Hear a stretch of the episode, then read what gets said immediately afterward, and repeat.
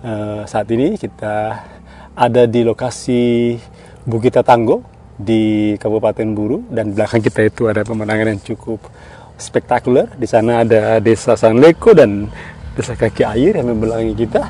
Dan saat ini kita akan membicarakan sedikit tentang eh, masing-masing desa yang akan kita kembangkan menuju desa wisata di Kabupaten Buru. Nah, masih tetap hadir bersama kita Beli Wayan Wardika yang hari ini kita akan mencoba eh, menggali sedikit keistimewaan-keistimewaan dari masing-masing desa di mana Beli Wardika juga turut berpartisipasi untuk membangun eh, mimpi-mimpi itu. Gitu Beli kira-kira ya Beli ya? Siap. Nah, Beli coba eh, berikan kami sedikit pandangan Beli Baik. eh, terhadap desa-desa ini, Oke. Sandeko, Kaki Air dan Masarete. Siap. Eh, pertama dari desa Sandeko terlebih Sandeko. dahulu nih, kira-kira menurut Beli ada apa yang Hmm. eh, memang sudah kita coba bangun itu Oke. dari perspektif eh, masyarakat sendiri dan juga kita, tapi dari sudut pandang Beli sendiri itu kira-kira bagaimana yang Beli lihat? Baik. Ya. Siap, siap. Terima kasih Pak Leo. Eh, jadi setelah kita datang langsung melihat secara langsung berinteraksi dengan masyarakatnya, eh, mengamati dan kemudian eh, merasakan eh, lebih dekat dengan eh, desa wisata Sadleko ini sebagai sebuah entry point ini adalah sesuatu yang spektakuler, Bli. Karena ada berbagai macam keragaman yang bisa ditemukan di situ. Jadi eh, first impressionnya dapat ya. Jadi itu pertama itu mewakili sebuah desa di mana kebersahajaan masyarakatnya, terus kemudian eh, lingkungan dengan vegetasi yang cukup eh, yang cukup eh, bervariatif gitu ya.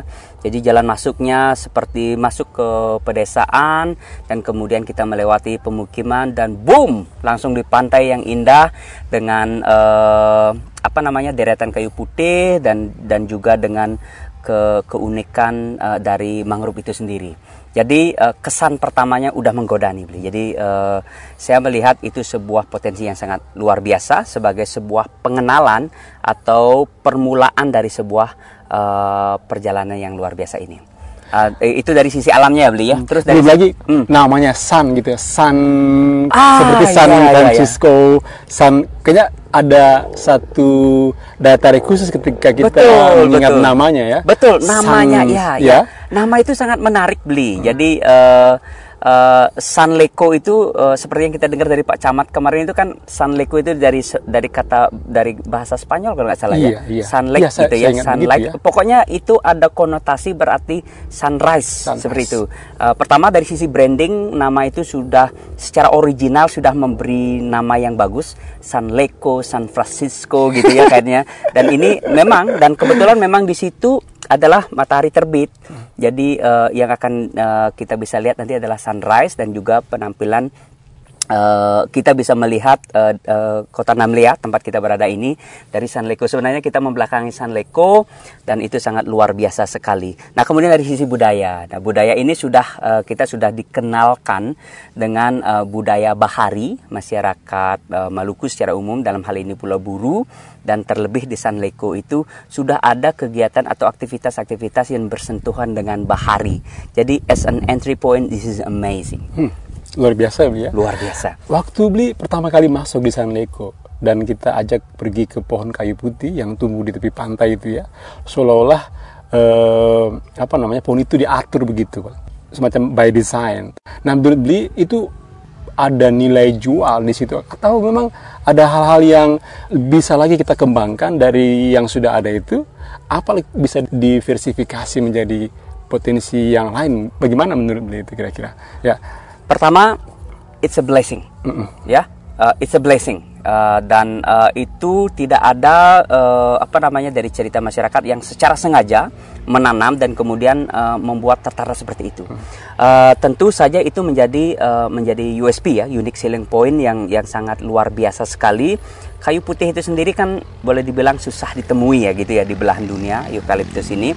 Tetapi nggak cuman uh, itu banyak, tetapi berada di tepi pantai dan itu uh, tertata teratur dan di bawahnya ada semacam uh, apa namanya lembaran karpet hijau dari rumput, Rumput-rumput yang tebal itu itu. ya? Ya, seperti Itu, karpet wah, permadani ya, gitu ya, seperti ya? permadani dan tebal, Ya. soft Hmm. soft banget gitu. Nah, yang menjadi concern kita tentu jangan sampai di dalam upaya pengembangan eh, desa wisata eh, Sanleko ini mereka malah justru tebang itu supaya tidak menghalangi ini. Nah, itu yang mungkin Jadi harus dilestarikan. Harus terus dilestarikan. nilai-nilai. Bahkan bila perlu harus ada permajaan. ada itu. peremajaan terus kemudian ada upaya untuk mengkonserv itu semua karena itu sudah memberikan storytelling yang luar biasa beli. Jadi itu it's a blessing. It's a Wah, blessing. it's amazing. ya. Amazing. Nah, bukan saja pohon kayu putih, tapi ketika kita berjalan sedikit jauh, Iya. ada mangrove. Aduh, hati saya meleleh ya. begitu melewat di mangrove itu, ya, yang memang saat ini sudah dibangun titian ya ke dalam, tapi eh, dari kontur tanah itu sendiri pintu masuknya dan ada lekukan-lekukan pohon itu. Seolah kita ada di dunia apa ya saya waktu masuk ke dunia mangrove itu kayak ada perasaan lain. Iya, kayak Belum dunia lagi, avatar iya. gitu ya, Bli? Iya, iya. Iya, Lagi- iya. Mungkin dan juga bau bau belerang sulfur Hmm, yang bercampur itu membuat semacam ada pengaruh psikologis. Beli rasakan itu Saya rasakan Ya, itu ya. dan itu sangat kuat sekali. Jadi eh, saya tumbuh bes- eh, saya lahir tumbuh besar di Bali itu kan sangat eh, jadi kami diajarkan oleh leluhur itu untuk berada dekat dengan alam begitu ya. Jadi eh, penghormatan kita eh, terhadap alam itu sangat luar biasa sekali. Tetapi berada di tengah-tengah hutan mangrove di Sanleko itu eh, sangat amazing banget. Kalau boleh saya cerita Uh, jadi uh, indera penciuman saya itu dapat uh, bau yang sangat uh, unik yang yang nggak mungkin bisa ditemukan di tempat lain kecuali kita berada di situ.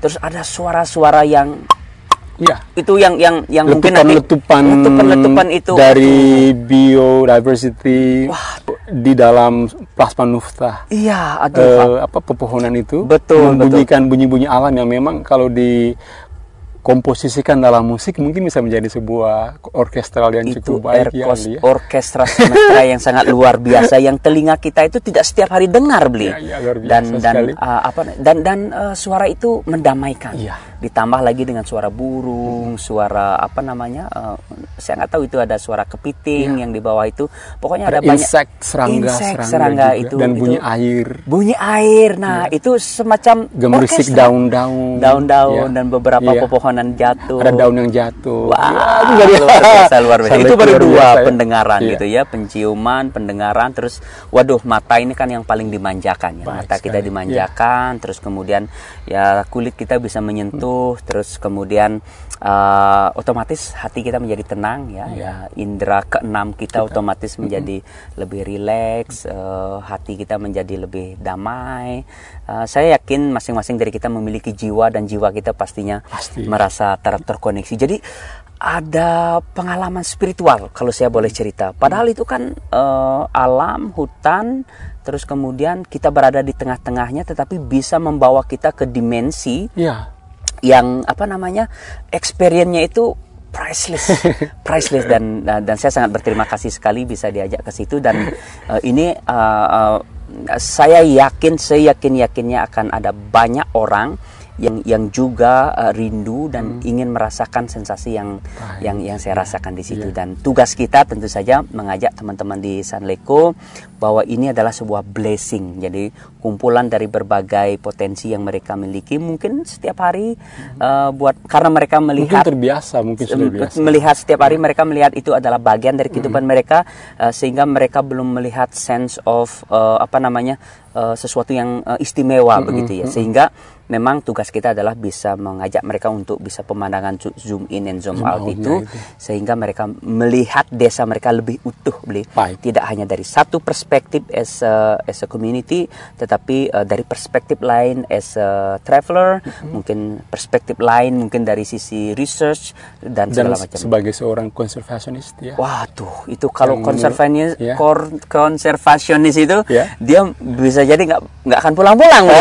karena ada kesedemikian kesempatan untuk Ya. mereka bisa explore Hmm. itu sangat eh, sangat luar biasa lagi.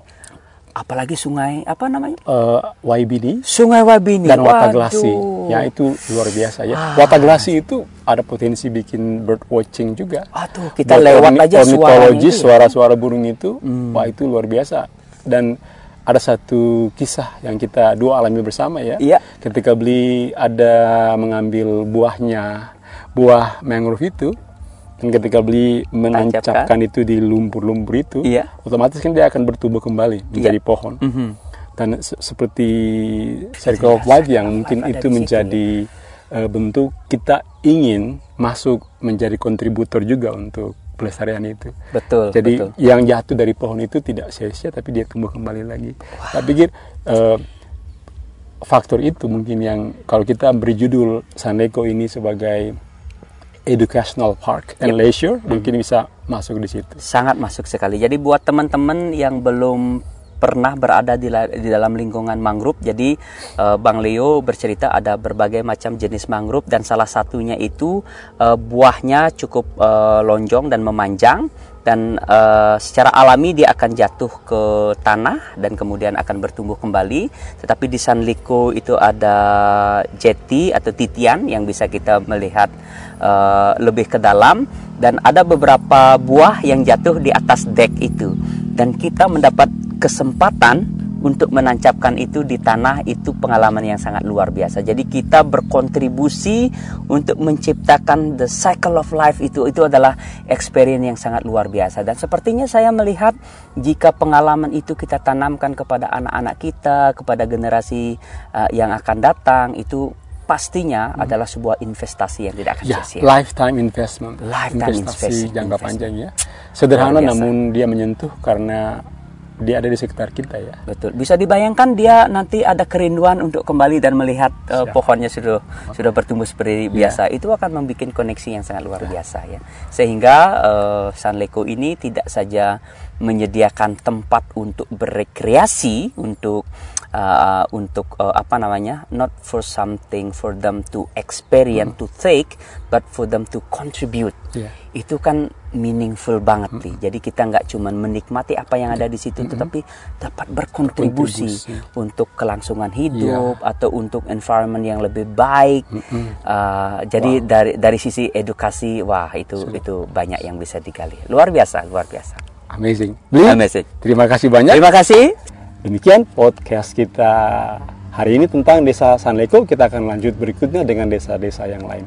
Salam desa wisata. Sampai jumpa.